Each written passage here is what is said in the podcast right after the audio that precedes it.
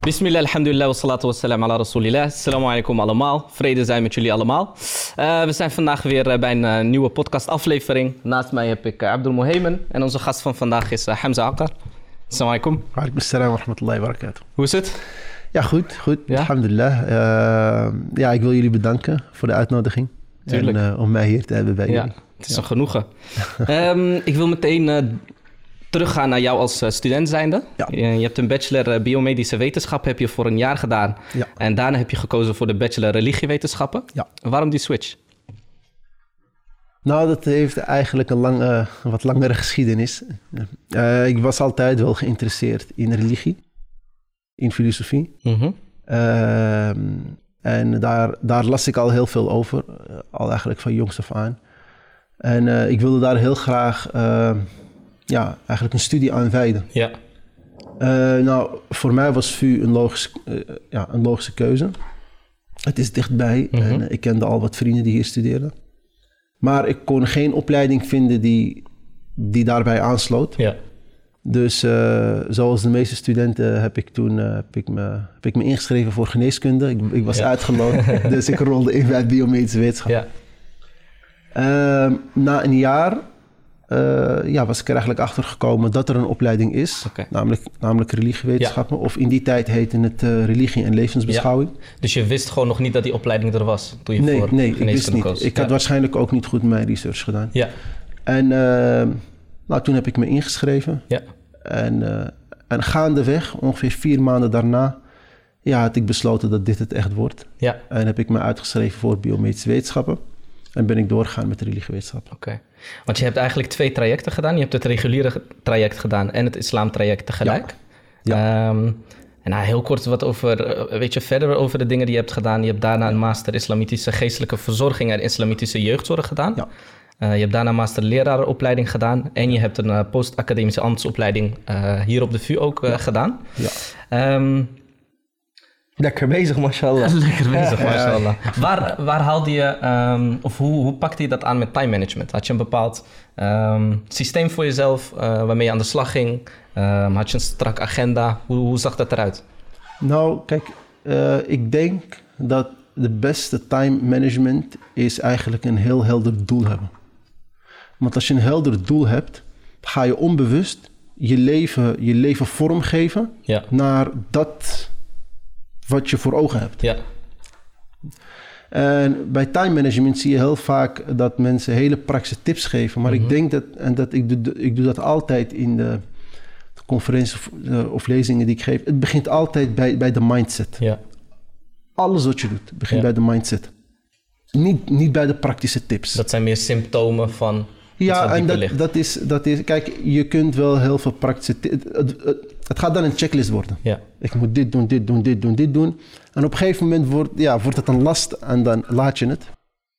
Uh, maar als je een helder doel voor ogen hebt, dan ga je automatisch in je onderbewuste ga je prioriteren en keuzes maken die jou verder helpen om dat doel te bereiken. Ja.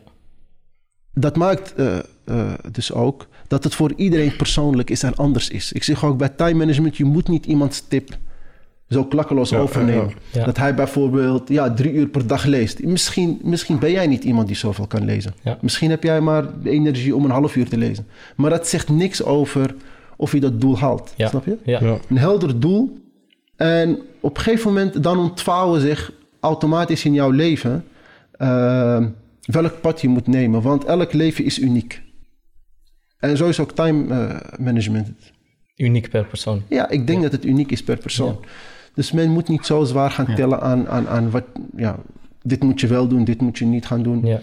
En uh, mijn weken die verschillen ook, Ja. snap je? De ene week ben ik echt heel erg aan het lezen. Ja. De andere week uh, besteed ik mijn tijd anders. Ja. Uh, maar in beide weken zit wel mijn doel uh, Ja. voor me.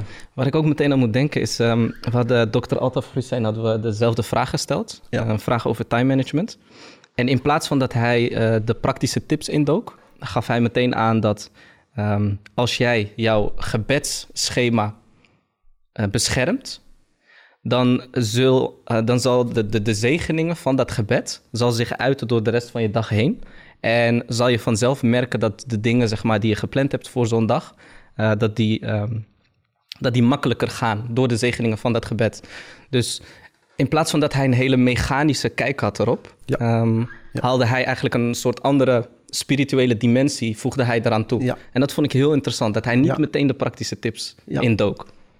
Ja, ik vind dat een hele mooie tip, want wij hebben het idee dat de tijd is zoiets als 24 uur en elk uur heeft 60 minuten en elk minuut heeft, heeft 60 seconden. Ja. Zo kijken wij naar, naar de tijd. Ja, mechanisch. Ja. Ja, maar de tijd is, eh, is, de tijd is relatief, dat leren we allemaal. Iedereen die natuurkunde of wiskunde heeft, Ja. weet de tijd is relatief. Maar in ons leven gaan we er eigenlijk niet zo mee om. We gaan er heel erg Ja. mechanisch mee. En omdat de tijd juist heel relatief is, eh, is het voor de een misschien mogelijk om meer te halen uit een uur dan voor een ander. Juist. En daarom, ja, dat spirituele component is heel mooi. Je hebt een van de uitspraken van, eh, van, van de klassieke geleerden die, die zeggen van als je, als je meer tijd uit een dag wil halen, Ja. stop dan meer tijd in het reciteren van de Koran. Hoe meer je de Koran op een dag leest, hoe meer tijd je hebt op een dag. Ja. Je zou denken dat is, dat is in tegenstrijd. Paradoxaal. Ja. Ja, hoe meer ik lees, hoe minder, Ja. hoe minder tijd ik overhoud voor andere zaken. Ja. Eh, de- eh, nee, hoe meer je leest, hoe meer tijd je hebt. Ja, Tijd is ook simpelweg een schepping, dus Ja, de baraka die erin kan komen door middel van Ja. Koran lezen of wat dan ook, ja, Ja. kan je tijd eigenlijk ombuigen en relatief maken. Juist. ja. Heel mooi. Ja. Ehm, Ik had eigenlijk een vraagje Ja. over de religiewetenschappen. Gewoon eigenlijk uit interesse. Die vraag stel ik vaak aan eh, iedereen die religiewetenschappen doet. Eh, de meeste mensen die, die, studie zo, die de studie gaan doen op de eh VU of waar dan ook, die hebben een interesse naar religiewetenschappen. Eh, alleen vaak zijn het dan ook mensen die eh, of van het huis uit of in hun jongere jaren eh, eh, elders iets met islamitische studies hebben gedaan. En dan kom je eigenlijk opeens op een universiteit waarbij de docent die jou de vakken eigenlijk gaat aanleren, vaak niet diezelfde religie aanhangt. Dus of dat nou Joodse religie is die je bestudeert of de islamitische religie, wat dan Ja. ook. Vaak is degene die jou doseert niet de, iemand die dezelfde religie aanhangt. Eh, hoe, voel, hoe ervaar je dat? Hoe Ja. ga je daarmee om? Hoe kijk je ernaar? En het hoeft niet per se negatief of positief te zijn, maar het is wel heel interessant. Want heel veel mensen die kennen dat helemaal niet. Die nemen dingen aan van mensen waar ze een bepaald vertrouwen in hebben. En that's it. En nu kom jij op de universiteit, hè, Ja. academische wereld, kom je juist heel veel dingen tegen. Die, eh, ja, degene die dat aan jou uitlegt of vertelt, niet per se dezelfde religie aanhangt of wat dan ook.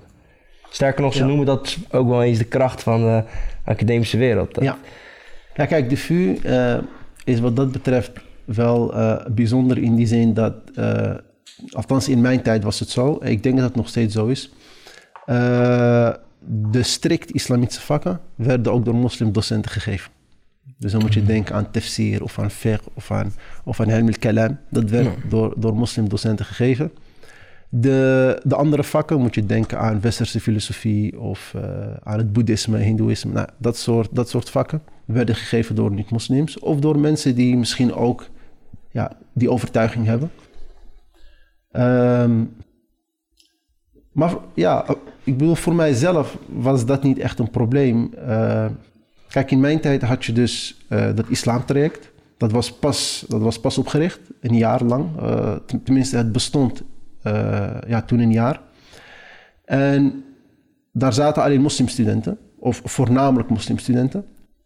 En ik koos heel bewust ook voor het reguliere traject, waar geen enkel moslimstudent zat.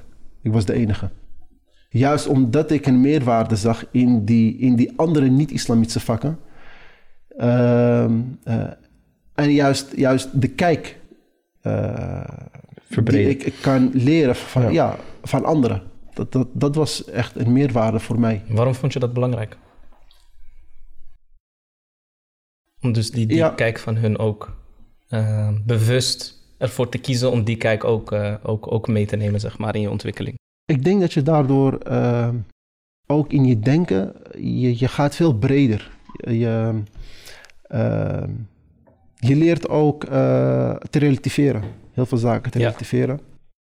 Je leert ook, eh, ja, een- een, een, een, een, een- ja, je leert iets van meerdere perspectieven te bekijken. Ja, En, en voor mij persoonlijk is dat juist dat ik dan veel sterker ga staan in mijn standpunt. Omdat ik leer mijn standpunt te beargumenteren. ja, Omdat ik juist de andere visies eh, heb leren kennen. En dus extra gemotiveerd om eigenlijk eh, voor mezelf ja, te beargumenteren waarom ik gekozen heb voor het standpunt ja, dat ik heb. ja, Eh, als je de andere visies niet kent, ja. Dan sta je denk ik juist heel zwak in je standpunt. Omdat je nooit echt de ander hebt leren kennen. Daarom adviseer ik ook zeker studenten. Ja, Als je nog niet zoveel verantwoordelijkheden hebt, weet je, nog niet eh, een fulltime baan, Ja. weet je, op, om, om veel te reizen.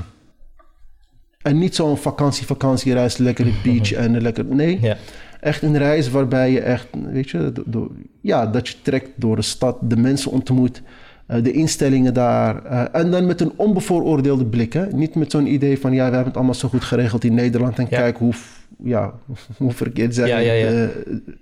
Maar met een onbevooroordeeld blik gewoon het te begrijpen ja, waarom een structuur zo in elkaar zit. ja. Zoals die is in dat Ja. land.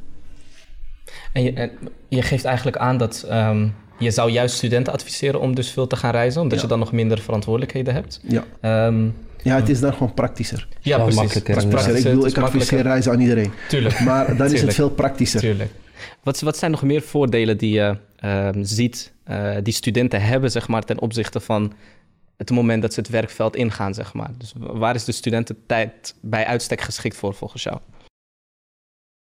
Eh, ik denk dat de studententijd een tijd is dat, eh, dat je, dat je je hebt de gouden kans om te exploreren. Om te zoeken, om te ontdekken, Ja. om te groeien.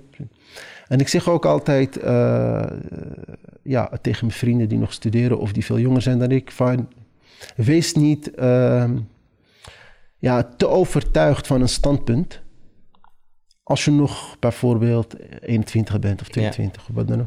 Je, je mag overtuigd zijn, maar mijn, mijn moeder zei altijd tegen mij, eh, heel jong, Mhm. eh, toen ik heel jong was, zei ze tegen mij, Hamza, zeg nooit nee, maar hou de deur altijd op een kiertje. Ja, Houd de deur altijd op een kiertje, zei ze tegen me. Zodat je altijd, op het moment dat je ziet dat je, nou ja, als je van, als je van mening verandert of wat dan ook, je geen gezichtsverlies leidt. Hmm. En er altijd een weg terug is. ja, Want je weet niet wat er allemaal nog op je weg gaat komen. Wat nu in jouw ogen een vaststaand feit is, Ja. dat kan misschien over een jaar veranderen. ja, Dus je alleen maar dat je wat geleerd hebt eigenlijk dan, Ja. hè? Ja, ja en het zou, het zou natuurlijk eh, heel raar zijn als je, als je twintig jaar lang nooit van mening verandert. ja, Ja. Zaken. ja, Ehm, dus eh, ja, ik denk dat zeker studenten. In, je- bent ook natuurlijk eh, in, in studententijd heel ijverig. ja, hè, je, je gelooft echt in zaken enzovoort. Dat is allemaal goed. Maar eh, besef je wel, je bent nog student, je bent nog lerende. En, eh, en, en zeker nu met social media is het, is het, is het nog gevaarlijker. ja, Want nu heb je de neiging om heel snel een mening te verkondigen.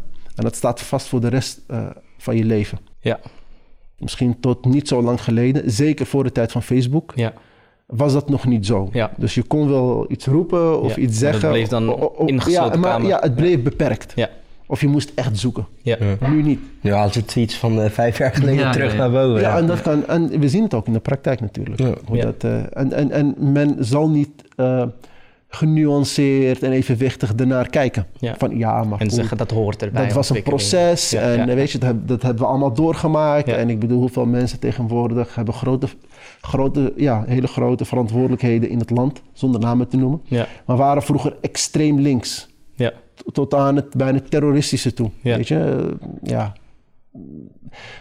Maar goed, dat kon in die tijd. ja, precies. Want ja, het staat niet vast. En eh, Ja. Nu kan dat niet. Je hoeft maar één verkeerde uitspraak te doen en, en je ligt eruit. Ja, Dus ik zeg altijd van, je, ja, kijk wel uit en... eh, ja, ja.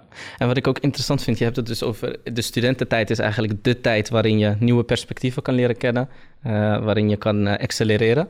Ehm, jij hebt in het tweede jaar dat je de bachelor religiewetenschappen deed, Ja. heb jij op een gegeven moment ben je een van de medeoprichters van, van ISA geweest, Ja. Islamitische Studentenvereniging Amsterdam. Ja. Ehm, we hebben natuurlijk eh, de verzuiling gehad. Ja. Dus eh, we hebben niet meer eh, dat iedereen in zijn eigen zeil zit. Ja. Ehm, waarom heb je ervoor gekozen om alsnog een islamitische studentenvereniging op te richten? Ja, dat is een hele goede vraag. Ehm, kijk, het idee dat er geen zuilen meer bestaan in Nederland, dat klopt niet. Ze bestaan nog steeds in bepaalde mate, alleen ze, zijn niet, ze zijn niet zo georganiseerd dat je echt van...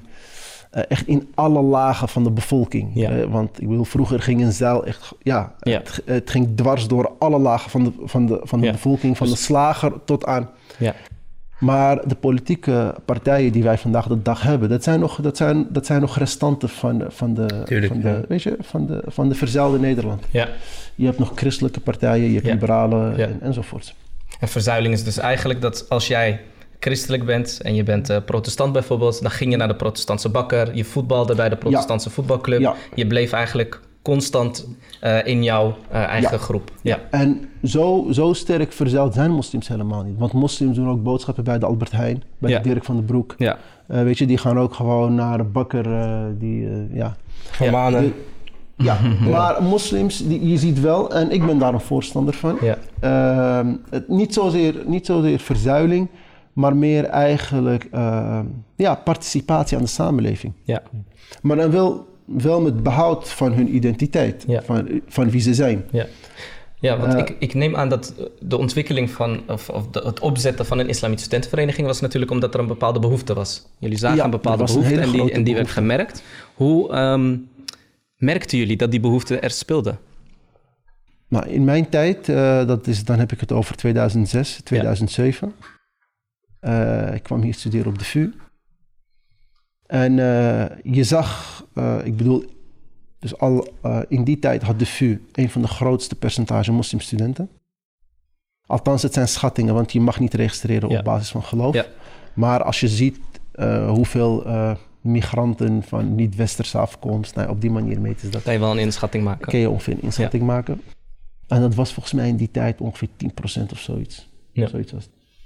Ehm, alleen wat mij verbaasde, is dat je zag ze studeren. Je zag ze komen. Maar je zag ze niet in onderwijscommissies. Je zag ze niet in de, in de universitaire studentenraden. Dus al die organen binnen de universiteit, Ja, waar studenten medezeggenschap hebben, ja, eh, zag je ze niet. Of heel weinig. Tenminste, ik kan me niet herinneren in die tijd dat ik... Ze waren geen weerspiegeling van de, van de studenten absoluut die er niet. waren op Absoluut campus. niet. Ze Ja. En misschien was het ook een beetje het idee van... ja, je komt op een universiteit om te studeren. Je papiertje halen en je gaat weer weg. Ja, Eh, destijds had de VU daar ook niet echt, echt een beleid op. ja, Van we moeten die mensen ja, erbij hebben. En... Dus eh, ja, iedereen leefde een beetje op, op losse eilandje. En eh, op een gegeven moment eh, bedacht ik van... hoe kan op een universiteit... waar de populatie, bijvoorbeeld Joodse studenten, veel lager is... ja, wel een studentvereniging hebben georganiseerd zijn... en de moslimstudenten niet. ja, Eh, toen heb ik onderzoek gedaan en zag ik dat er heel veel studentverenigingen zijn op de VU... Ja. die op religieuze gronden zijn verenigd. ja, Nou, toen begon het bij mij te borrelen. En dacht ik van, weet je, als er een universiteit is waar zoiets moet komen, is het wel de VU. ja. VU heeft ook een religieuze inslag. Jazeker, Ja. Ze, zijn, ze zijn gereformeerd van, Ja. eh, van oorsprong. Ehm, nou, toen hebben we de eerste stappen gedaan. Had ik een mail rondgestuurd naar een, eh, ik dacht 30 studenten of zo, dus ik, die ik dan kende. Om bij elkaar te komen en erover, eh, en erover na te denken. Want er toen nog geen naam, we hadden helemaal niks. Ook geen WhatsApp volgens mij. Nee, ook geen WhatsApp. Het ging allemaal via de mail. Ja. Eh, we kwamen dus op 24 september Ja, eh, 2009, was onze eerste vergadering. En nou ja, van, van het een kwam het ander. En wat was je doel met ISA? Wat wilde je bereiken? Wat wilde je de, de, de moslimstudenten die dus op de universiteit ehm, studeerden, wat wilde je ehm, hen meegeven? Nou ja, ehm, kijk, ik, ik, ik denk eh, een aantal zaken, maar Mhm. wat, wat, ik, wat ik heel belangrijk vond, Mhm. is, is één, ehm, om als gemeenschap georganiseerd te zijn. Dat vind ik heel belangrijk, dat je Mhm. georganiseerd bent. En studeren is in mijn optiek geen, geen streven naar individueel succes. Ja. Het is een collectief streven. Ja. Dat is ook het islamitische gedachtegang ervan. Natuurlijk, omdat kennis is, is, geen, is geen product Ja. Dat je, dat je gebruikt om geld te verdienen. Dat is een bijzaak. Dat is een bijzaak, dat is een effect. Eh, maar kennis, geloven wij, en, en zo, tenminste zo zag ik het, Ja. dat is ook geen eigendom. Niemand kan zeggen, deze kennis bezit ik. Het is voor iedereen bedoeld. Ja. Daarom hebben we ook wetenschappelijke publicaties. Ja. Eh, kennis is niet om te behouden, het is geen bezit. Eh, en dus ook om kennis individueel te gebruiken voor eigen gewin, vond ik, vond, ja, ik vond dat egoïstisch. Ik vond dat ook indruisen tegen, je, ja, tegen het moslimgeloof, Ja. islamitisch geloof. Dus dat, dat organiseren en die collectieve verantwoordelijkheid, eh, dat vond ik heel belangrijk. Maar wat ik vooral merkte bij de moslimstudenten, en eh, dat was in die tijd eh, met name zo, dat ze zagen, en ik spreek niet over iedereen, hè? Ja. ik spreek gewoon mijn ervaring, Ja. wat ik zie. Ja. Dat sommige moslims die, die, die heel beleidend en praktiserend waren, die zagen de universiteit als een soort noodzakelijke kwaad. Ik moet wel, ik moet mijn papiertje hebben. Als ik iets Dus- wil bereiken, dan moet het. Maar in principe is het een kwaad. Ja. Want een universiteit is een plek waar je leert om seculier te denken. Ja. Waar je leert om, eh, om zeg maar alle zekerheden in twijfel te trekken. Ja. Nou, het is gewoon een zure appel. Ik moet door, door, door die duisternis heen om voor, voor een verlichte toekomst. Ja. Ik vond dat idee ook, vond ik, ja, da- daar stond ik niet achter. Best een gek idee ook eigenlijk. Ja, het is een gek idee, maar het is ook, denk ik, het, het, ik denk ook dat het zich, dat het zich ontwikkelt omdat ehm, eh, dat terugtrekken en niet deelnemen aan het, aan het publieke debat, Mhm. aan wat een universiteit is, wat is Ja. academische vrijheid, wat is academisch. Ja. Het niet daaraan meedoen en altijd maar terugtrekken, bevestigt altijd in hun idee de heersende opvatting daarover. Ja. Ja. En dat bestendigt. En je, ja, en je blijft maar verstoppen. Ja. En, en kan het ook te maken hebben met een, een dus eh, wat jij net aangaf, eh, best gek eigenlijk dat dat gedacht wordt. Kan het ook te, te maken hebben met de gedachte, eh, een soort scheiding eigenlijk tussen het wereldse en het religieuze. Dus als ik niet ehm, eh, religieuze aanbidding aan het doen ben, dan is hetgeen wat ik aan het doen ben, zoals studeren, dat, dat telt dan niet mee eigenlijk voor het religieuze. Kan dat ook een soort misvatting zijn die Als daarin... je, als je ze zou vragen, Ja. dan zeggen nee. Ja, Dat ze zeggen nee, islam is niet tegen Mhm. wetenschap. Islam. Maar in de praktijk, hoe je handelt, Blijkt hoe je wat doet, anders. Ja, Ja. blijkt wat anders. ja, En is een barrière eh, wat ik eigenlijk eh, samen met andere studenten wenste ja, te doorbreken. Door echt ook voor die islamische identiteit eh, ja, gewoon trots uit te komen. ja, Eh, ik hoef niet, ik, ik, ehm, er hoeft niet aan mijn academische waardigheid getwijfeld te worden, omdat ik gelovig ben. ja, Dat is niet in strijd met elkaar. ja.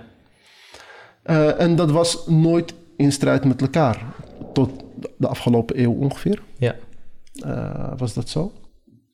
En die spanning ook tussen ratio en wetenschap en tussen de kerk en dat is eigenlijk dat is een, een, dat is, dat is het resultante van de westerse geschiedenis. ja. Van de West-Europese geschiedenis, Mhm. om, om, om, om veel specifieker te zijn. Dat is niet een geschiedenis die, die, die wij kennen uit de islamische traditie. Dat was niet, dat was niet echt zo'n op, die- op die manier. Dus, we, dus ik zag eigenlijk dat we, ja, we maken, we maken ons iets eigen wat vreemd aan ons is. Ja, Ehm, en het komt natuurlijk heel ongeloofwaardig over om te zeggen: die islam zegt, de islam doet, maar in, maar in de praktijk eh, ben jij heel, heel anders. Tegenovergestelde. Heel anders. Ehm, dat heeft allemaal bijgedragen aan zo'n, aan zo'n vereniging waarin we, waarin we samenkomen en, en dit soort, ja, dit soort eh, thema's aankaarten en eh, samen bediscussiëren. En ehm, ja. ja. Hoe was het contact met andere islamitische studentenverenigingen toen in Nederland? Of bestonden die, nog- die eh, Ja, sommige veel, bestonden niet, sommige waren bezig? Kijk, ik, ik heb niet echt onderzoek gedaan aan de islam, moet heel- om heel eerlijk te zijn. Ik zag alleen dat er op de, op de VU, jawel, op de VU had je niet uit Mashriq, Oké. op de VU. Ja. Die was volgens mij een jaar eerder. eh, een jaar eerder waren ze actief op de VU. Maar dat was de enige waarvan ik, eh, want ik focus me met name op de VU. Eh, en elders in het land wist ik niet van. eh, ik had wel later had ik ontdekt dat er een eentje was in Leiden. Ja. Hoe, hoe heet die? Sabber. Juist. Sabber in Leiden. Daarna die, van- Toen was ik heel jong. daarna die van Rotterdam, Iqra. Ja. Je had wel studentenverenigingen op culturele gronden. Je had in die tijd een Marokkaanse, heet volgens mij Gemisa. Of Gemsa. Oké. Volgens mij bestaan ze niet meer. Eh, Je had Incen in Utrecht. mhm, Je de? had Incen in Utrecht. We hebben de voorzitter van Ja. Insight Ja, ja, ja, dus eh, die wil dat natuurlijk ook even Ja. En, sinds, erin gooien. en sinds wanneer bestaat die? 2004. 2004. Dus Ja. kijk, jullie waren er eigenlijk al veel eerder. Ja, maar, ze- ik, die ik- is ik wel kende het niet. oorspronkelijk op eh, ja, multiculturele gronden Ja, eh, ja, gebaseerd. nou, dus niet dan echt is dat een islamitische ja. vereniging. Ja. Eh, maar nu zijn we echt de transitie aan het maken om ook gewoon statutair een islamitische studentenvereniging te zijn.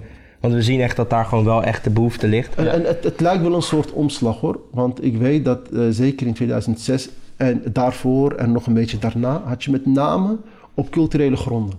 Ja, maar dat was voornamelijk ook omdat je, eigenlijk zoals je al aangaf, de VU was niet blij toen jullie met het voorstel kwamen.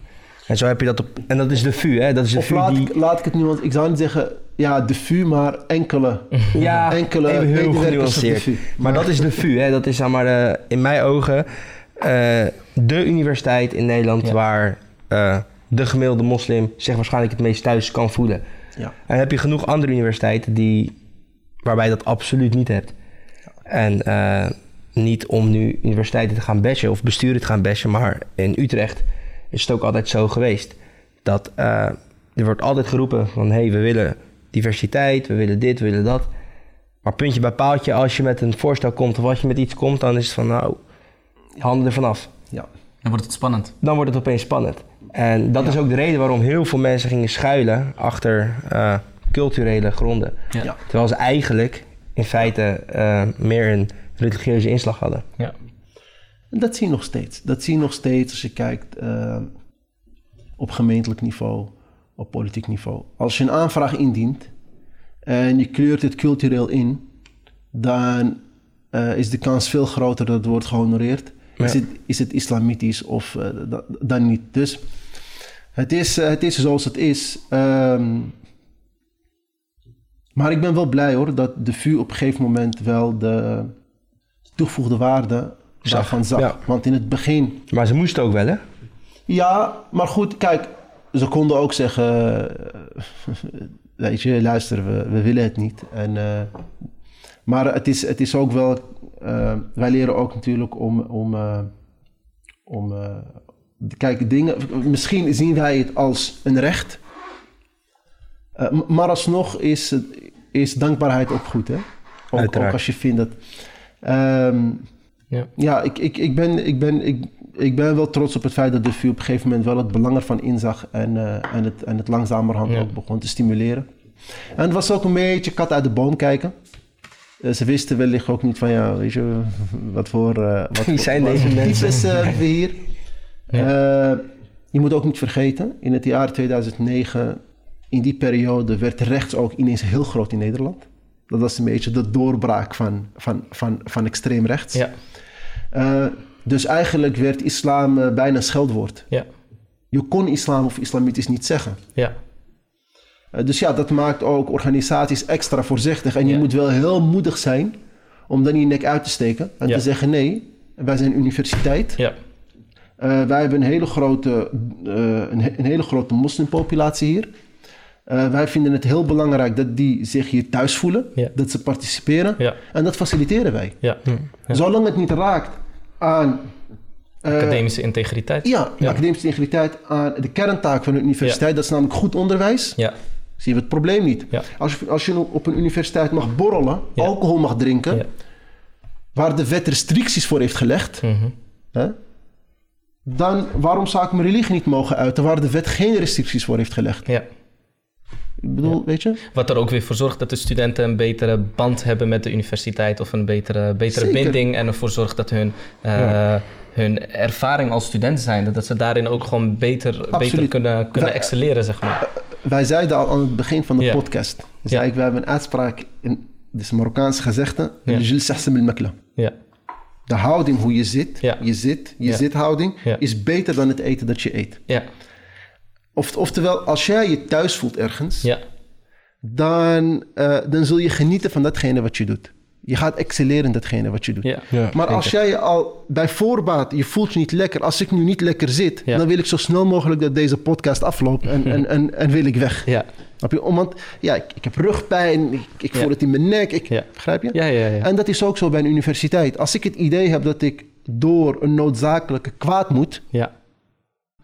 Eh, omdat ik bepaalde aannames en veronderstellingen heb van wat een universiteit is. En dat wordt Ja. ook bevestigd door de universiteit zelf, omdat er een, een, misschien niet een vijandige houding, maar wel een duidelijk geen, geen, ja, geen verwelkomende houding Mhm. voor wie jij bent. Want religie is niet iets wat ik meeneem. Religie is iets wat ik ben. Het zit in mijn zijn, in mijn essentie. Ja, Dan, dan voel ik me, ja, per definitie, ik, ik zit niet lekker. ja, Dus die vier jaar of vijf jaar van studie wil ik zo snel mogelijk afronden. ja, En ik, natuurlijk ga ik in geen enkele commissie zitten. Dat is Ja. allemaal tijdverspilling. Ik wil zo snel mogelijk weg. ja, Dat is dan de houding die je krijgt. ja, precies.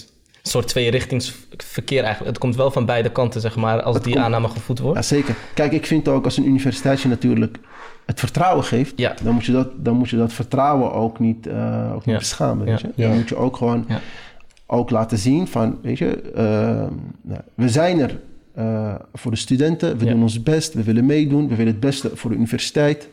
Eh, we doen, eh, weet je, we, we- Ja. we, we Ja. dragen bij, we hebben een, een, een toegevoegde waarde. Ja, Maar ik denk dat de VU dat ook wel goed doet. Ik denk dat iedereen zich eh, op de VU echt thuis voelt. Ja, Dus niet alleen de moslimstudent, Ja. maar ik denk dat iedereen zich wel Ja. gewoon Ja, thuis voelt op de VU. Dus Ja. dat, wel, dat is wel echt een goed punt van ja, ja, en ik merk ook gewoon de impact die, het heeft, zeg maar. Dat, eh, dat er een eh, islamitisch vertegenwoordigend orgaan is. Ik hoor het echt van studenten die gewoon zeggen van...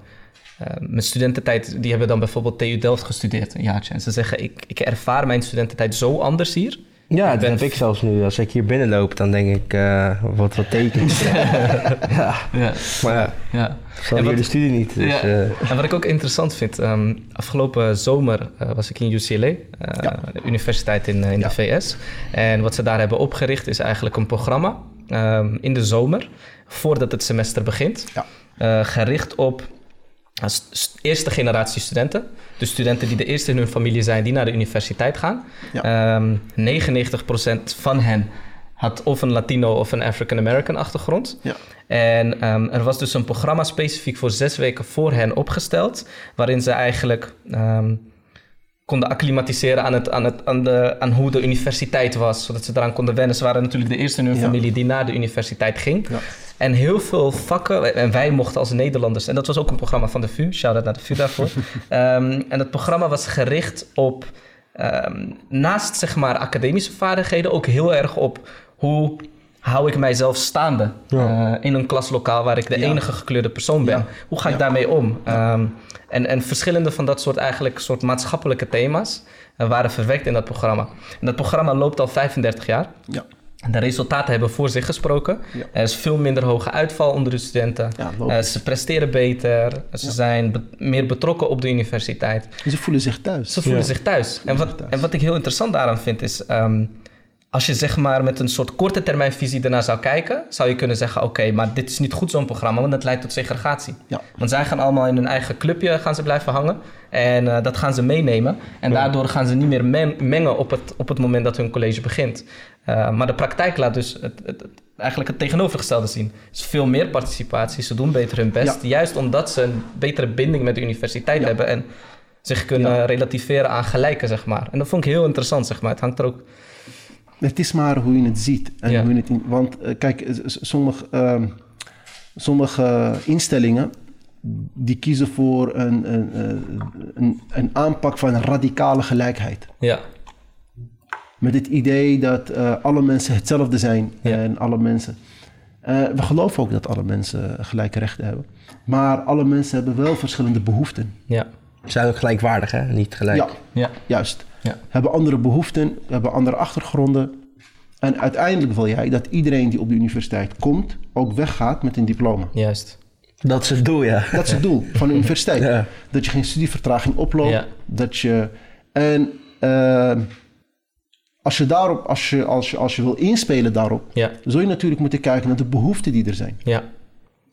ja. En, en, ja, en dan zul je toch wel je eigen, eigen bril afdoen Ja. en, en de bril van de ander. Ja. Je hoeft het er niet mee eens te zijn. Ja. Maar je leert wel om, om je te verplaatsen in de rand te kijken, oké, waar komt die behoefte nou precies eh, ja, vandaan? En is het voor de universiteit mogelijk Ja. om dat misschien niet 100% te faciliteren? Misschien 40%, misschien 60%. Waar kunnen we elkaar vinden daarin? Ja. Maar om al bij voorbaat een houding te hebben van nee of eh, Ja. daar willen we niks Gebaseerd mee op een aanname. Van dit, dit zou segregatie in de hand werken. En, Ja. en dat is heel gevaarlijk, denk ik. Dat je op basis van aannames beleid gaat voeren, zeg maar. In plaats van dat je zegt, oké, laten we kijken hoe werkt dit in de praktijk. Ja, maar dan moet het niet bij lippendienst blijven. Nee, precies. Van multicultureel, multicultureel. Ja. Eh, maar dan moet het wel ook zijn van oké, eh, zijn wij bereid om te veranderen? Ja. Dat is mijn eerste vraag. Ja. Als ik gevraagd word voor iets wat raakt aan multicultureel, Ja. want ik heb geen tijd te veel. We hebben het over time eh, eh, management aan het Ja. begin. Ben jij bereid om te veranderen, afgezien van hoeveel, hoeveel je wil veranderen, waarin je wil veranderen, dat, dat staat even los. Maar ben jij überhaupt bereid om te veranderen? Als het antwoord nee is, hoef ik niet met je te praten. Ja. Want dat betekent dan dat jij verwacht dat alle verandering van mij komt. Ja. Want iemand moet veranderen. Hè? Als wij door één deur willen, Ja. moet iemand een beetje naar links en de ander een beetje naar rechts. Ja. Weet je, als de, als de een bijvoorbeeld zegt: Ik ga niet voor jou aan de kant, op Ja. geen enkele manier, dan zeg ik: Weet je wat, ga jij maar eerst door die deur, ga ik, ga- dan ga ik daarna wel. Maar dan gaan we niet samen, Ja. omdat het niet kan. Ja. Ehm, en eh, eh, soms zie je dat, dat, dat, dat er wordt gezegd: Ja, maar in, in de praktijk is het nee. Dus ik ben daar wel. eh, Wat huiverig. en, eh, nou, wat niet, niet, zozeer Ja. niet zozeer huiverig, maar wel gelijk direct to the point. Van oké, wat is het doel hiervan? Ja. Want er wordt heel veel gepraat. Ja. Ehm, en ja, we weten inmiddels, Nederland is, is nu multi-etnisch en multireligieus. Ja. Ja. Dus weet je, en, en we moeten er samen iets van maken. Ja. Ja. Wat ik ehm, ook interessant vind, is je hebt op een gegeven moment een master islamitische geestelijke verzorging gedaan. Ja. Ehm, samen met islamitische jeugdzorg. Ja. En je bent ehm, toen ook gaan werken als eh, geestelijk eh, verzorger. Ja. Ehm, in justitiële inrichtingen. Ja. Je was relatief jong. Je was 21 jaar. Je hebt gesprekken gevoerd met mensen die, die veel ouder dan jou waren. Klopt. Om hen eh, geestelijke verzorging te verlenen. Hoe, heb je, hoe heb je die tijd ervaren? Ja, dat was een eh, aparte. Ehm, ja, ik begon heel jong. Ik was 21 jaar. En ik begon toen een eh, stage in, eh, in PI Zwaag. Oké. Ehm, Penitentiaire inrichting, Ja. toch? Ja. Ja.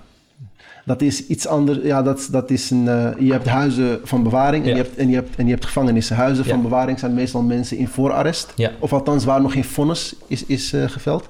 En ze gaan dan naar de gevangenis zodra ze de uitspraak hebben gehoord. Dan worden ze verplaatst. En de. PI is een huis van bewaring. Eh, nou, een PI is beide. Oké. Maar je hebt dus een huis van bewaring of ja. gevangenis. Ja. En ik heb met name in, PI, in, in huizen van bewaring gewerkt. Oké. En daarin zie je ook dat mensen vaak meer stress hebben. eh, weet je, ze vonnis zijn moet nog komen. Ja, en ze zijn ook vaak ja, pas opgepakt. Weet je, eh, hun hele leven staat, staat, staat, staat op zijn kop. Hè? Ja. Dus anders in de gevangenis heb je daar een beetje, een beetje vrede mee. Ja. En dan wacht je gewoon die tijd. En dan... Eh, het was voor mij de begintijd. Eh, ja, dat, dat, dat vergeet je natuurlijk nooit. Hè? Ja. De begintijd. Eh, ja, je spreekt natuurlijk mensen die, eh, waar je voorheen heel makkelijk een oordeel over hebt. En dat is echt iets wat je leert. eh, op dat moment zit je tegenover zo iemand Ja. waar jij heel makkelijk een oordeel over hebt. Ja. Iemand die bijvoorbeeld, bij, bij- bijvoorbeeld seksueel misbruik Ja. bij kleine kinderen, wat wij noemen pedofielen. Ja. Eh, iemand die eh, een moord heeft gepleegd. mensen die, die in de drugshandel. Nou, dat soort mensen waar wij heel makkelijk een oordeel over hebben. En op dat moment zit je tegenover zo iemand En niet zomaar om hem te helpen. Ja, Want hij, eh, Ja. namelijk geestelijke bijstand. ja, En je leert natuurlijk dan ook van. eh, en dat vond ik ook mooi, is dat ze die gedetineerden, die zien jou als de enige eh, die, die geen oordeel over hen heeft. Hmm. Want iedereen veroordeelt ze. ja, De, de bewaarder, eh, want die ziet ze als, als een crimineel. Of Ja. althans, zij hebben het gevoel dat hij ze zo Ja. ziet. Hoeft niet hoor, het hoeft Ja. niet zo te zijn. De rechter, ja. want die velt een oordeel. Ja. Officier, eh, de officier van, van, van justitie. Die klaagt aan. hem, Die, die- precies, die, wil, die, wil, die wil, er... de familie, Ja, dat is ook heel vaak zo. De familie die, die kan ook heel hard zijn. De vrienden die ze dan verliezen. Dus ze verliezen heel veel. En een, een keer zijn gedetineerden dat heel treffend tegen mij zei... Hamza, bij jou voel ik me even geen gedetineerd. Ehm, maar soms roept dat ook bij jou als persoon eh, bepaalde gevoelens op. ja, Zeker als je nou, bepaalde dossiers leest of bepaalde, bepaalde gevallen ziet Ja. waarvan je denkt van wow, dit is heftig. Dan, eh, ja, dan moet je altijd weer, altijd weer ja, die switch maken van ik ben geen rechter. Ik ben geestelijk verzorger. Hmm. Ik ben hier om ze te helpen, niet om ze te veroordelen. Ja, En heel vaak hoor je natuurlijk dat die gedetineerden soort van gaan biechten bij je. Hmm. Wij geloven niet in de biecht natuurlijk, maar het gebeurt in de praktijk. Dus ze gaan je vertellen wat ze allemaal hebben gedaan. ja, Om, omdat, omdat ze zich schuldig voelen.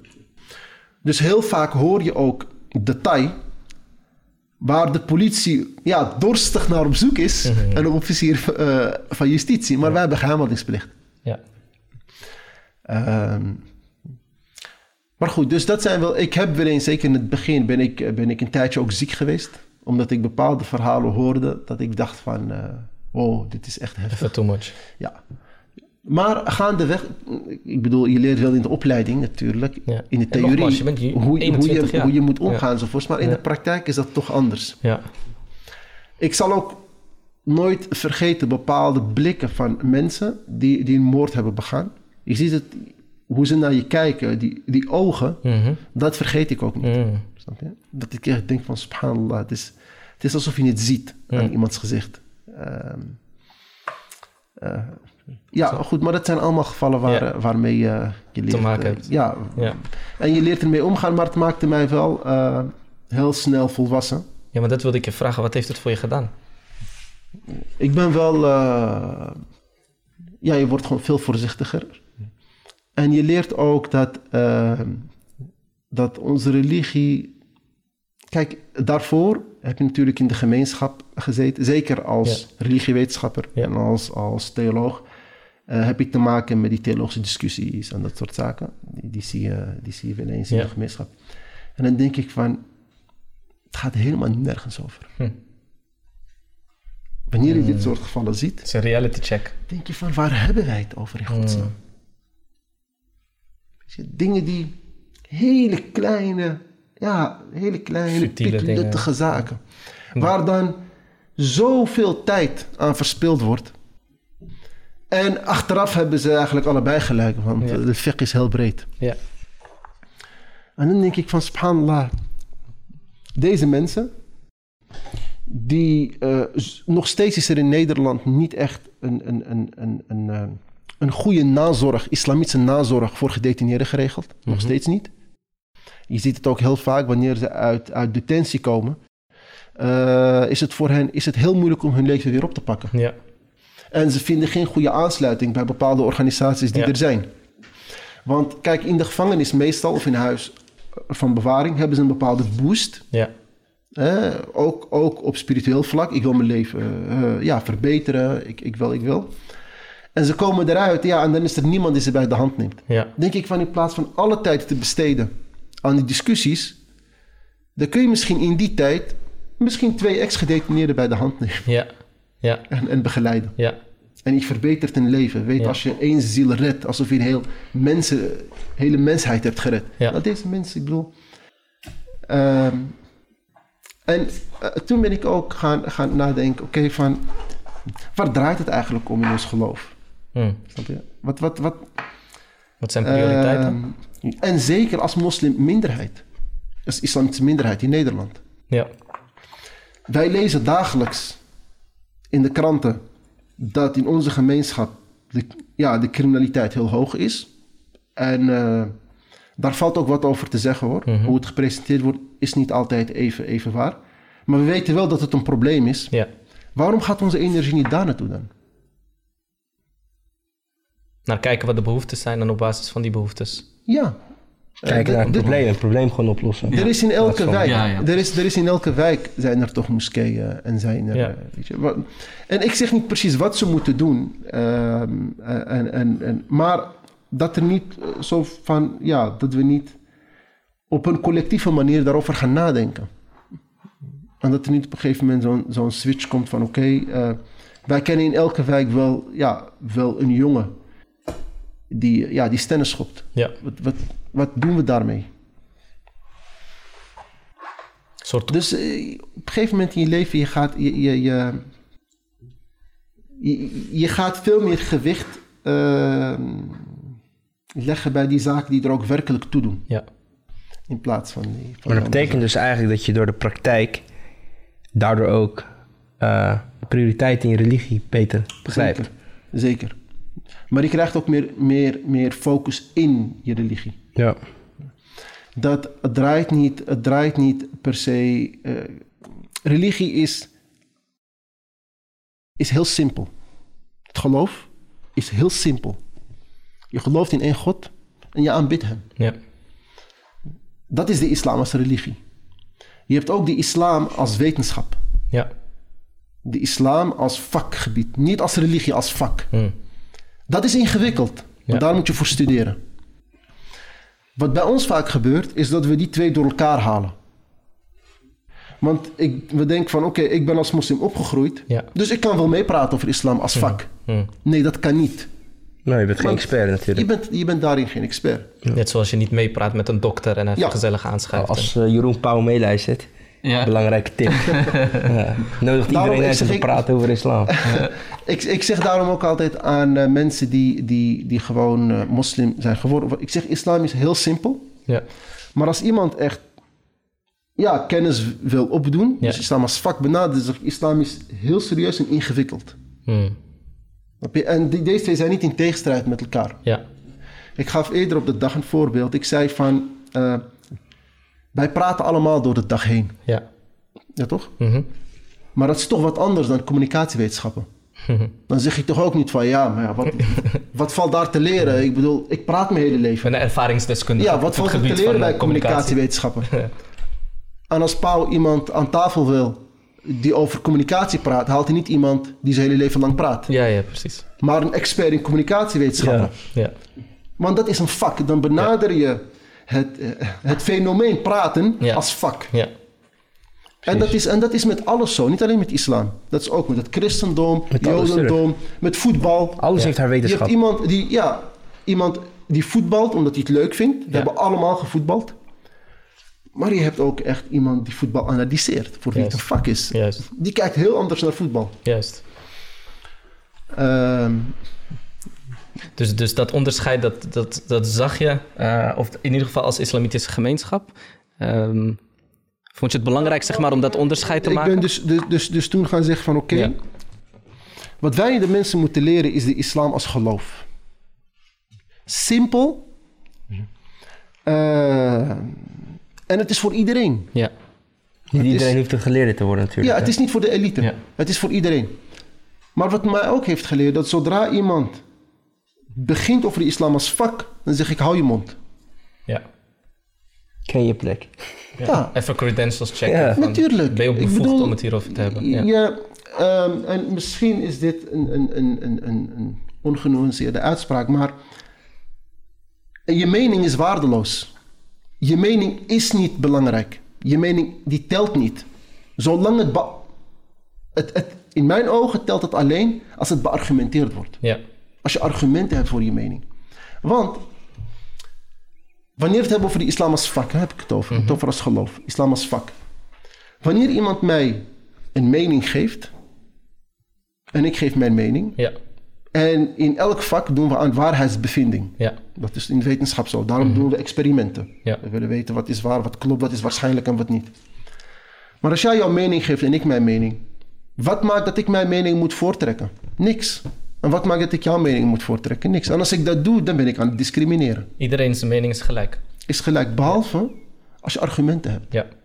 Dus wanneer wij de islam bedrijven als vak, dan is jouw mening in mijn optiek waardeloos. Snap je? Je zult Ja. met argumenten moeten komen. En om argumenten te hebben, moet je enigszins dat vak bestudeerd hebben. Om met argumenten te kunnen. Ik kan toch ook niet zeggen tegenover een wiskundeleraar. Ja, maar ik vind dat 1 plus 1 3 is. Dat vind ik. En mijn mening is waardevol. Ja. Nou ja, die En- docent zal waarschijnlijk denken, ja, Ja. weet je, het zal... Dat is prima. En ik denk ook niet alleen ehm, dat je eh, een bepaalde mate van kennis moet hebben om de argumenten te kunnen geven, maar dat je ook zelfbewust moet zijn om te weten of jij in staat bent om argumenten ook te kunnen analyseren, zeg maar. Ja. En, ehm, want je hoort nog wel eens, zeg maar, dat iemand zegt van ja, ik heb de, dit van die geleerde gehoord en had hele sterke argumenten. Ja, Ehm, maar als jij niet bekwaam bent in dat vakgebied, kan jij niet beoordelen of een argument sterk is of niet, zeg maar. Precies, Nee, dat klopt. hetzelfde als dat je in klas 1 zit op de middelbare school. Ja. En dan toevallig iets hebt gehoord van college van klas Ja. 6. En dan zegt ik heb dit en dit gehoord van die. Jij Ja. bent niet in staat om te begrijpen wat er überhaupt gezegd Ja. is. Ja. Laat Ja. staan erover meepraten. Laat staan een argument een mening erover ja. geven. En ik zeg dan, goed, je mag het volgen. Ja. Dan, maar dan is het islam als geloof. Je volgt het voor jezelf. Heel goed, geen enkel probleem. Maar eh, dat betekent niet dat jij een, een, een, een, een, eh, een participant bent in het vakgebied. Ja. Hetzelfde van een eerstejaars geneeskunde Precies. student die een eh, geneeskundeboek leest. Ja. En dan bij het ziekenhuis aanklopt en zegt ik wil opereren. ja. Ja, dat kan natuurlijk niet. Die Of, heeft, die of is er niet nog erger, voor. of nog Als je jezelf erger, wil opereren, prima. of nog erger, of nog erger, hij klopt aan en zegt, wat jullie doen is allemaal fout. Ja. Opereren moet je niet zo doen. Ja. Oh, hoe, hoe moet het dan? ja, ik heb gisteren voor het eerst een boek opengeslagen. En ik zag wat dingen staan. En, eh, Ik heb een docu gezien. ja. en ik, vind, ik vind dat mijn mening waardevol is. En dat ik mijn mening moet laat- laten horen. En dat mijn mening even waard, even waard is als, als die arts die zijn hele leven lang gegeven heeft aan geneeskunde. Want we zijn gelijken toch voor de wet. Ja, Dingen lopen door elkaar heen. dat is helaas wel de realiteit. En dat zie je dus ook met, met, met, met de islam. Eh, Maar komt dat denk je omdat eh, men niet ervan bewust is dat religie ook een wetenschap kan zijn? Dat daarom een Jeroen Pauw of wie dan ook de eerste beste gelovige aan tafel haalt... omdat hij denkt, die kan vast wat vertellen over de religie. Ze, ik, ik denk dat dat, dat zal ongetwijfeld eh, ook een rol spelen. Dat, kijk, je moet ook niet vergeten. ehm, ik wil het niet specifiek over Pauw hebben. Of wat Nee, ze hebben een voorbeeld want ik kijk zijn programma ook niet. Maar eh, ja, ik vind het niet interessant. Ook niet leerzaam. Eh, sorry, heb ik er nu toch iets over. Ehm, maar wat ik, wat, ik, wat, ik, wat, ik, wat, ik, wat ik wil wel zeggen is dat... ehm, kijk, er is eh, vanuit een bepaald, bepaald ja, segment of een bepaald deel van de bevolking... wordt al met een minachting naar religie gekeken. Dus religie kan bij voorbaat in hun ogen nooit het niveau bereiken van een waardige gesprekspartner. Van een waardige. Dus, dus Ja. dat is hun probleem. Dat is iets waar zij mee te kampen hebben. Een trauma van, van, van weet, misschien van de, van de verzuiling of weet ik veel, of iets, iets anders. Eh, en dat wordt dus geprojecteerd. Eh, en hoe mooi is het om jouw projectie bevestigd te zien? Snap je? Ja. Ehm, en dat is een beetje de discours al heel lang in Nederland. Dus dat, dat is zeker eh, Ja. wat meespeelt. Maar goed, niet iedereen kijkt eh, per se met minachting. Anderen die zien religie, omdat, omdat, omdat religie ook vaak genoemd wordt geloof. In het woord geloof zit al de aanname van, je ziet het niet, Ja. je, je gelooft het. En geloof is gewoon subjectief. Dus wat valt daarover te zeggen? Hoe, hoe kan je dat een wetenschap noemen? Hoe kan je dat een vakgebied noemen? Ja. Het is vaag, het staat niet vast. Eh, dus, die hebben, dus die moeten, of ja, die zullen zich, zich even moeten gaan stilstaan bij Ehm, eh, wat, is, wat is de definitie van religie? En zeker de islam. Hoe definieert die islam zichzelf? Eh, en daar echt op een serieuze manier naar kijken. En dat is iets wat ik altijd ook naar mezelf doe. Ik vind dat wij elkaar wat serieuzer moeten nemen. Ook een overtuiging waar je niet achter staat, waar je niet in gelooft. Um, moeten we leren is, serieus te nemen, zodat we ook serieuze vragen uh, ja, in staat zijn om serieuze vragen te stellen. In de lessen die ik soms geef, zeg ik ook van uh, uh, juist die kritische vragen, die zijn juist heel belangrijk. Want een kritische vraag geeft aan dat jij heel serieus hebt nagedacht over de overtuiging van de ander. Ja. En omdat je er heel serieus over nadenkt, ben je in staat om hele kritische vragen te stellen. Ja. En zo leer je elkaar veel beter kennen dan met oppervlakkige vragen. Ja. Um, en uh, ja, ik, ik ben daar een hele grote voorstander van. Ja. Uh, maar dat zijn dan ook mensen die echt ja, hun best doen om, om erover te lezen. En, uh, ja. en, er zijn ook klassieke geleerden die zeggen van... als jij de vraag stelt en de volgende keer de vraag niet meer weet... dan moet je bij jezelf nagaan waarom je die vraag hebt gesteld. Ja. Want dan was het dus niet vanuit echte kritische gedachten en interesse... Ja. Maar het vragen om het vragen, wat je nu heel vaak ziet, hè? Het vragen om het vragen. Ja. Of het vragen om, uh, om te winnen of zoiets. Ja, precies. Dat bedoel ik met vragen om te vragen. Ja, een beetje dat, trigger, een beetje... Ja, ja. en uh, dat, is wel, dat is natuurlijk ook wat verkoopt. Uh, ja, wat kan je erover zeggen? wat ik ook interessant vind is... Um, Vooral als je zeg maar op een gegeven moment uh, je, je gaat bezighouden met nevenactiviteiten. Uh, je bent een student en je, je sluit je aan bij een, uh, bij een islamitische studentenvereniging. Laten we dan even specifiek over de islamitische context hebben. Ehm, ik weet nog wel dat wij wel eens een gesprek hebben gehad en dat ik daarin vroeg van... ja, het werd eigenlijk een soort heel diep gesprek over wat wil je eigenlijk bereiken. En uh, die vraag stelde je toen aan mij. En ik vertelde toen van... Uh... X5. Ja. nee. Van de klerenkast. ja, en, en op een gegeven moment vertelde ik van... Nou, dit wil ik heel graag gaan doen. En, en, en toen stelde jij mij de vraag van... Uh, wil je dat gaan doen? Of wil je de beste worden in datgene wat je doet? En zo ja, wat heb je nodig om daar te komen? Um, en, en je gaf toen aan dat het wel eens een valkuil kan zijn, zeg maar... om eh, te zeggen, eh, weet ik het, eh, ik wil um, daklozen gaan helpen. Ik ga nu de straat op, ik ga daklozen helpen en ik ga gewoon aan de slag. En ik ga tien jaar daarmee aan de slag en dan ben ik daarmee bezig. En voor je gevoel kan je heel effectief geweest zijn. Maar het kan ook zo zijn dat als je terugkijkt op die tien jaar, dat het minder effectief is geweest dan je aanvankelijk had gedacht.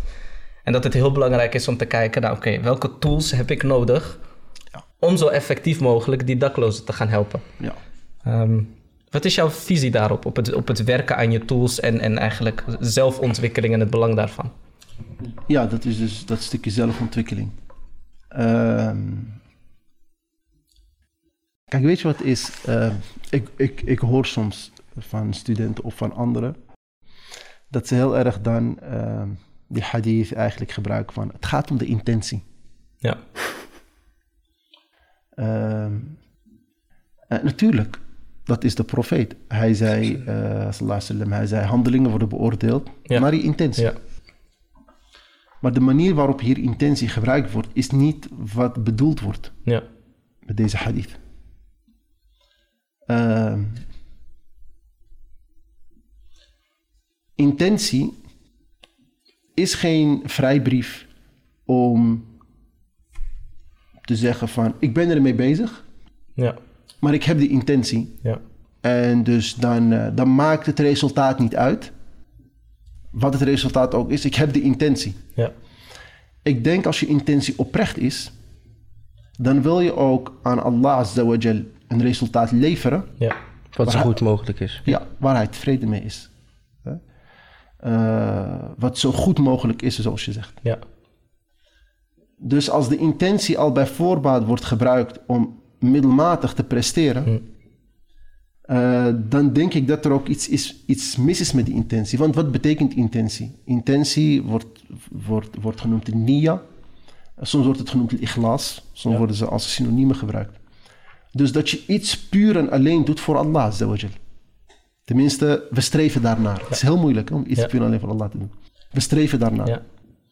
Dus de, uiteindelijk geloof je, dus dit wat ik doe, ga ik moeten presenteren aan Allah Azawajal. Net alsof je een project bijvoorbeeld, Ja. je, krijgt, je krijgt een project van, van een koning of een president of wat dan ook. En die zegt van ja, weet je, over een jaar mag ik komen presenteren voor het parlement. Ja. En dan zeg jij van tegen me, ja, ik hoef weinig te doen, want eh, mijn intentie is toch voor. Ja. Dat is toch Ja. heel tegenstrijdig. Ja.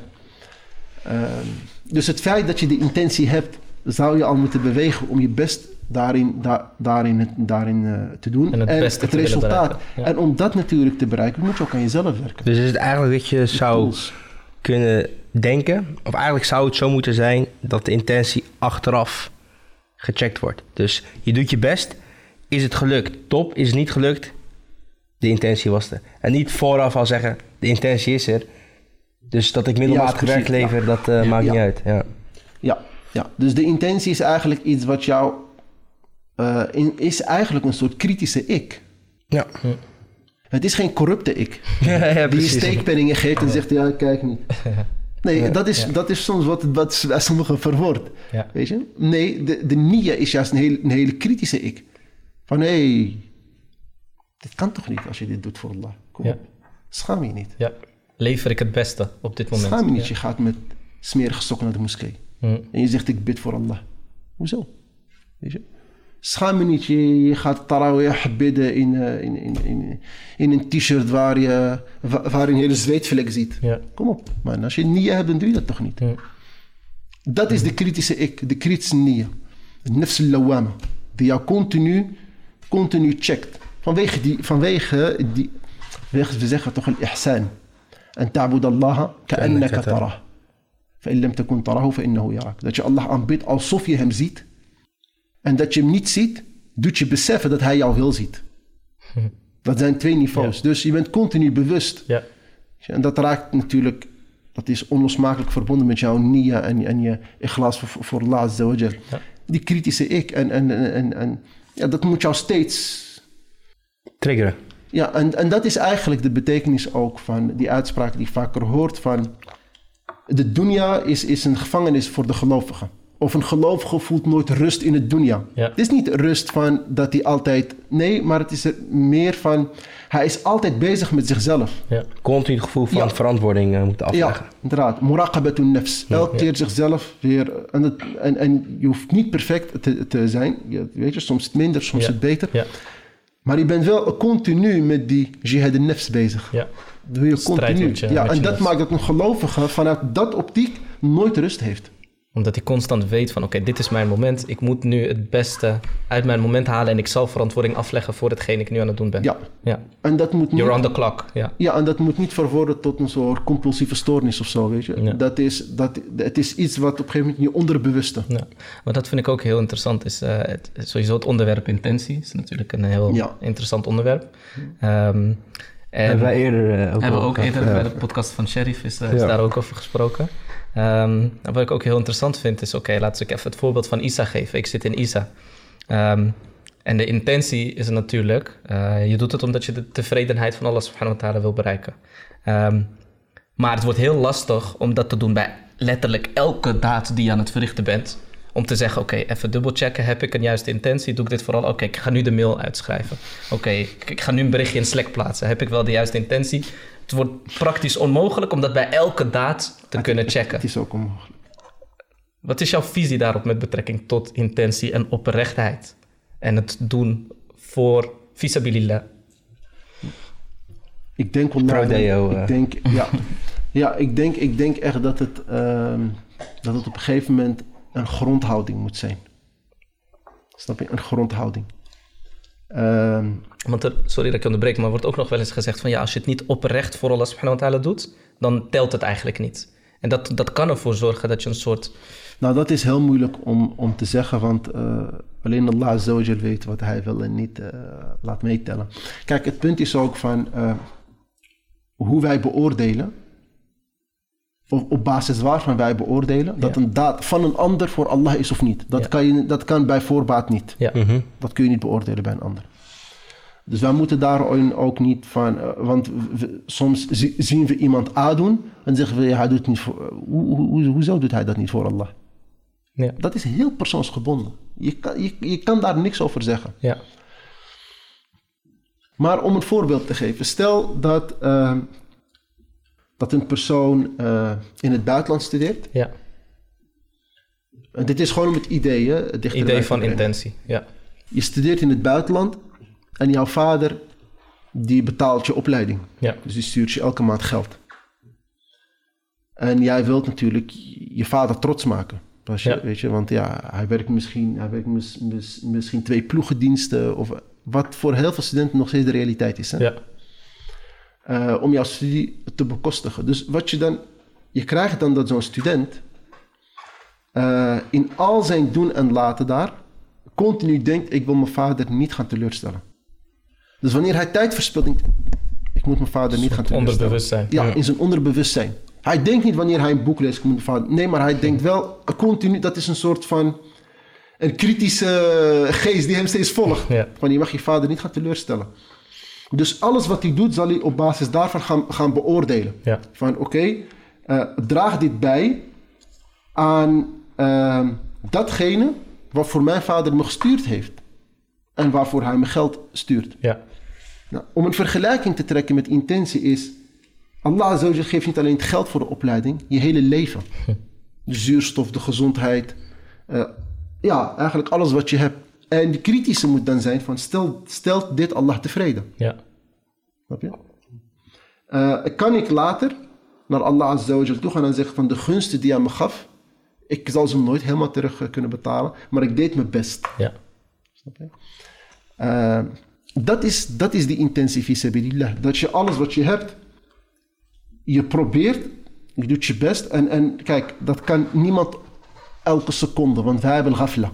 Eh, dat, de mens is zo geschapen. Ja. Weet je, zelfs Adam alayhi salam, en hij- die vergaten en Ja. aten van de Ja. boom. Dat is, daar zit ook een wijsheid in. Weet je. Als mens vergeet je. En dan komt het hele, het hele concept van weer, ja, niet toba en berouw enzovoort. Ja. Maar je probeert. Je probeert om continu... die- En die kritische ik, Ja. die je continu meet aan de tevredenheid van Allah dat ontwikkel je met de tijd. Dat ontwikkel je door hoe je leeft, hoe je je leven inricht enzovoort. En dat is een groeiproces. En ik denk ook dat we dat, dat groeiproces moeten gunnen aan mensen. Niet iedereen is, eh, je kan niet iedereen over één kam scheren. Ja. Niet iedereen was Abu Bakr as-Siddiq. Ja. Niet alle sahaba waren Abu Bakr. Iedereen heeft zijn eigen proces. Niet alle sahaba waren Omar. Ja. En de profeet sallam die verwachtte ook niet dat alle sahaba Abu Bakr waren. Want je zult geen hadith vinden waarin hij zegt, waarom zijn jullie niet zoals Abu Bakr? Maar hij waardeerde juist elke sahabi met een talent hij had. En daarom zeg ik ook, het praktiseren van het geloof, of het beleiden eh, van het geloof is geen pakketje. Het is persoonsgebonden. Ja. Zo heb je bijvoorbeeld een persoon voor wie het gebed misschien een beetje zwaar is. Ja. Dus die doet gewoon zijn vijf dagelijks gebed. Ik heb niet over het, het minimum. Hè? Ja, ja. Dat is standaard. Ja. Maar voor wie misschien het gebed mis, maar misschien is voor hem het vasten Ja. leuk. Ja. Misschien vindt hij het vasten zwaar, maar heeft Allah Azza wa Jalla hem heel veel ja, risk, heel veel geld gegeven. En is, is, is het, is zijn, zijn de sadaqat en de vrijgevigheid is voor hem leuk. Stimuleer mensen daarin. Maar maak ze niet, giet ze niet in een bepaalde vorm van iedereen moet hierin passen. Ja. Dat is het communisme. niet iedereen hoeft hierin te Ja. passen. Het geloof is breed en omvat iedereen. Dus- Stel je voor dat iemand nooit heeft leren lezen. Ja. Snap je? En hij is misschien in de tachtig. Ga ik dan nog zeggen van... eh, je, moet, je, moet, je moet elke dag moet je twee van de Koran lezen. Ja. En hij kan misschien niet lezen. Ja. Dan kijk je van, oké, wat kan je wel? En, en heel veel sahaba hadden de Koran ook niet gememoriseerd. Ik, ik stimuleer overigens niet het niet memoriseren. Ja, ja, Begrijp me verkeerd. Maar ik zeg, mensen zijn in niveaus. En, en daarom zie je ook dat de profeet sallallahu alayhi wa sallam... Sallallahu Hoe sallam. vaak zien wij in de hadith dat een sahabi komt... en hij, hij vraagt hem om een advies... Ja. en altijd geeft profeet net een ander advies. De ene keer zegt hij het belangrijkste is het gebed... Ja. Dan zegt hij weer eh, bijvoorbeeld Bril Walidain. Ja. Dan zegt hij weer eh, ouders. niet boos worden. Ja. Dan zegt hij weer eh, let op je tong. Ja. Tegen iedereen zegt hij wel iets anders. Die, die uitspraken zijn niet in tegenstrijd. Maar hij keek, hij was net als een arts. Hij keek en hij denkt van oké, dat is in zijn, religieus, zijn religieuze ontwikkeling is dit heel belangrijk? Ja. Of is dit heel... En dat gaf hij hem. Het is niet een soort statisch advies of een statisch pakket van je heel dit, dynamisch dit, juist, ja. het is heel persoonsgebonden. Ja. En om, om die cirkel af te maken... Het probleem wat wij hebben in onze manier van praktiseren en, en, en het geloof beleiden... En dit zijn niet enkel mijn woorden hoor. Mhm. het, is niet, ik- het is niet mijn analyse dat ik ook zo geweldig ben, niet bedacht heb. Maar dit haal ik natuurlijk van wat geleerden zeggen. En Ja. dat eh, het moment van beleiden en praktiseren... Wij hebben geen opvoeders, spirituele opvoeders in onze gemeenschap. Of heel weinig. Ik, ik ben niet eh, deterministisch, ik zeg nooit nooit. maar heel weinig. Ja. Waardoor het praktiseren en het beleiden van het geloof... dat wordt, ehm, dat wordt een beetje geleid tot een bepaald, bepaald, ja, een bepaald prototype. Moet het worden. en, en, en, en dat- Droge vet noemen ze dat ook wel, toch? Ja, en dan niet alleen de droogvecht, maar ook eh, het soort literatuur dat je hebt. Waar, waar je al gauw van, je moet zo zijn, Ja. dan ben je zoals... En, eh, als dat genoeg zou zijn, dan had Allah de profeet niet gezegd, had hij alleen de Koran uit de hemel neergestuurd. En gezegd van, jullie moeten dit boek gehoorzamen. Had hij engelen gestuurd met Ja. het boek Ja. en laten neerdaan. En zeggen van, lees dit boek en volg dit boek. Ja. En zal die engelen weer weggaan. Maar Allah Azza zag dat het nodig was om een mens in vlees en bloed te sturen. Die dat boek, zeg maar, uitoefent. En mensen beïnvloedt. Ja. Als mens. Ja. Als mens. Het beste voorbeeld. Juist. En dat is wel iets wat wij missen in de gemeenschap. Een mens die jou bij de hand neemt. En jou begeleidt in het volgen van het boek. Morabbi dus eigenlijk. Juist. Juist. Opvoeder, morabbi. Dat mist heel erg. Dus je krijgt dan hele, hele pathologische ontwikkelingen. Ja. Met betrekking tot het praktiseren of het beleiden eh, van het geloof. Want het is altijd makkelijk om vast te houden aan statisch. Hè? Ja. Mhm. Dat is makkelijk. Dat is lekker zwart-wit. Van oké. En dan heb je ook weer die checklist. Ja. Dat is met die time management. Check. Nee, je niet. Ja. Het is niet eh, zoals het hoort. Ja. Wat ik interessant vind, is er zit ook een groot stuk eh, zelfbewustzijn. Komt, er, eh, komt erin terug. En dat was ook bij de podcast met, uh, Ja. met Altaf Hussein, wat ook terugkwam.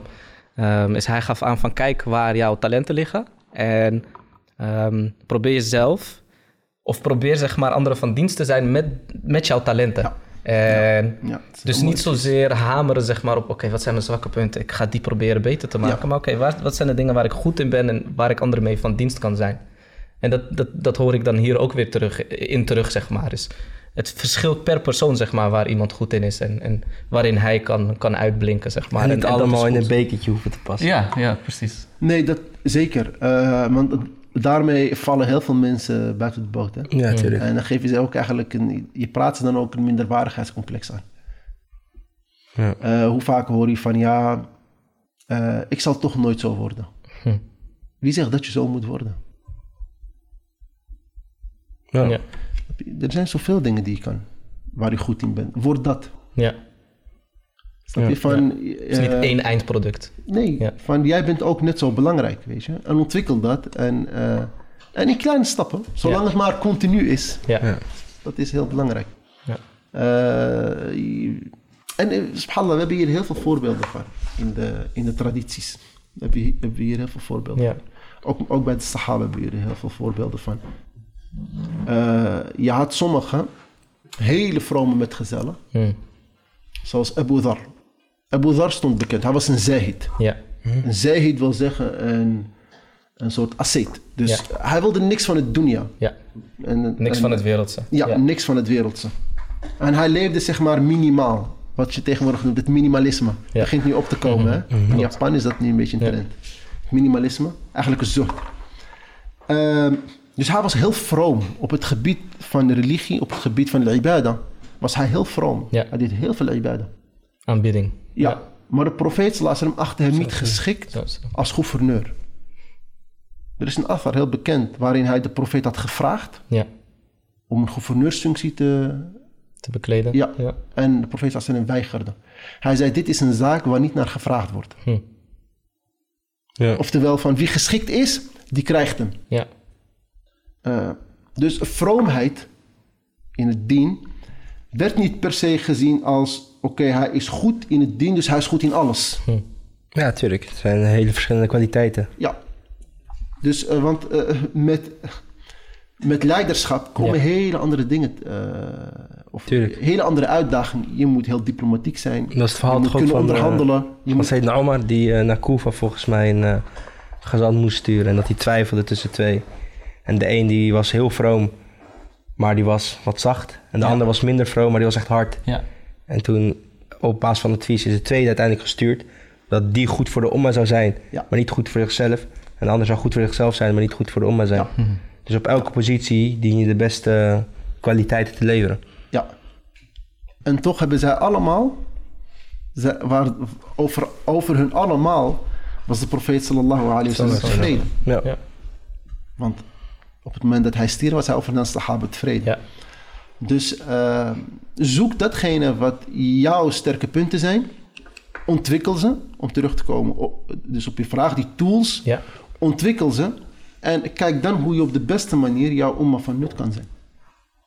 En laat je niet stoppen in een bepaald... Van ik moet zo zijn. Of, ja, doe dat niet. Ja. Echt waar. Want het is, het, is, het is een verspilling van je tijd. Zeker als, als, als student zijnde. Ik ken sommige studenten die zijn bijvoorbeeld heel goed in praten. Ja. Het is echt een talent. En dan hoort die, hoort die broeder, eh, te veel praten is niet goed. Hè? Dan denk ik, waarom? Waarom is te veel praten niet goed? Hij kan toch zijn tong gebruiken in het goede. Hm. Ja. Hij kan dat ontwikkelen. Ja. Door dat te zeggen ga je eigenlijk al per definitie vanuit dat het op een negatieve manier gebruikt wordt. Ja. Maar dat hoeft toch niet? Er zit een soort assumptie zit erin. Ja. Ja, waardoor die mensen ook onbewust die kant, die kant op leidt. Ja. Dat leren wij met opvoeding. Je leert je kind niet alleen maar wat hij niet moet doen. Ja. Ja. Je leert hem, en dat noemen ze nu positief opvoeden. Je leert hem wat hij wel moet doen. Mm. Want dan geef je hem kansen, geef je hem... eh, Een oplossing. Daar moet Ja. ook de Ja. focus op liggen dan. ja. Ja. En dat, je kan dat doortrekken naar alles. Ja. Naar alles. Je hebt iemand die, eh, die heel rijk is. Dan zeg je toch ook niet tegen een broeder, geld is een grote fitna. Zorg ervoor dat je zo snel mogelijk van... Van van het geld afkomt. Ja. Nee. Ja. Je hebt geld, alhamdulillah. Ja. Er zijn 101 projecten waar je aan kan bijdragen. Ja. Weet je? Zorg er, mogen Allah je rijker maken. Ja. En eh, zoals de profeet sallam zei tegen, Zo, tegen Amr ibn al-As. Hij zei, eh, het verhaal is een beetje lang, dus ik laat het verhaal, maar hij zei op een gegeven moment tegen hem, Ni'm al-malu salih, inda al-rajuli salih. Ja. Want Amr ibn, eh, want Amr ibn al-As had het idee van, eh, ja, de profeet, hij corrigeerde Ja. zijn beeld over geld. Hij zei, hoe mooi, hoe goed is geld in de handen van een goede man. Ja. Kan je mooie dingen doen. Ja. Zoals dit, deze microfoon, deze hele podcast. Weet je, als, we, als we geen financiële middelen hadden, was Dat niet ook mogelijk, lastig. toch? Ja. Dus op die manier, je kan alles op, op een goede manier of op een slechte manier. En ja, Ja. dat is waar het hele leven om draait. En wat ik, ik vind dat het, sowieso het onderwerp geld, zeg maar, daar heerst sowieso heel veel misvatting over. Eh, wat ik heel interessant vond, waar ik een, een geleden een keer over hoorde praten, is.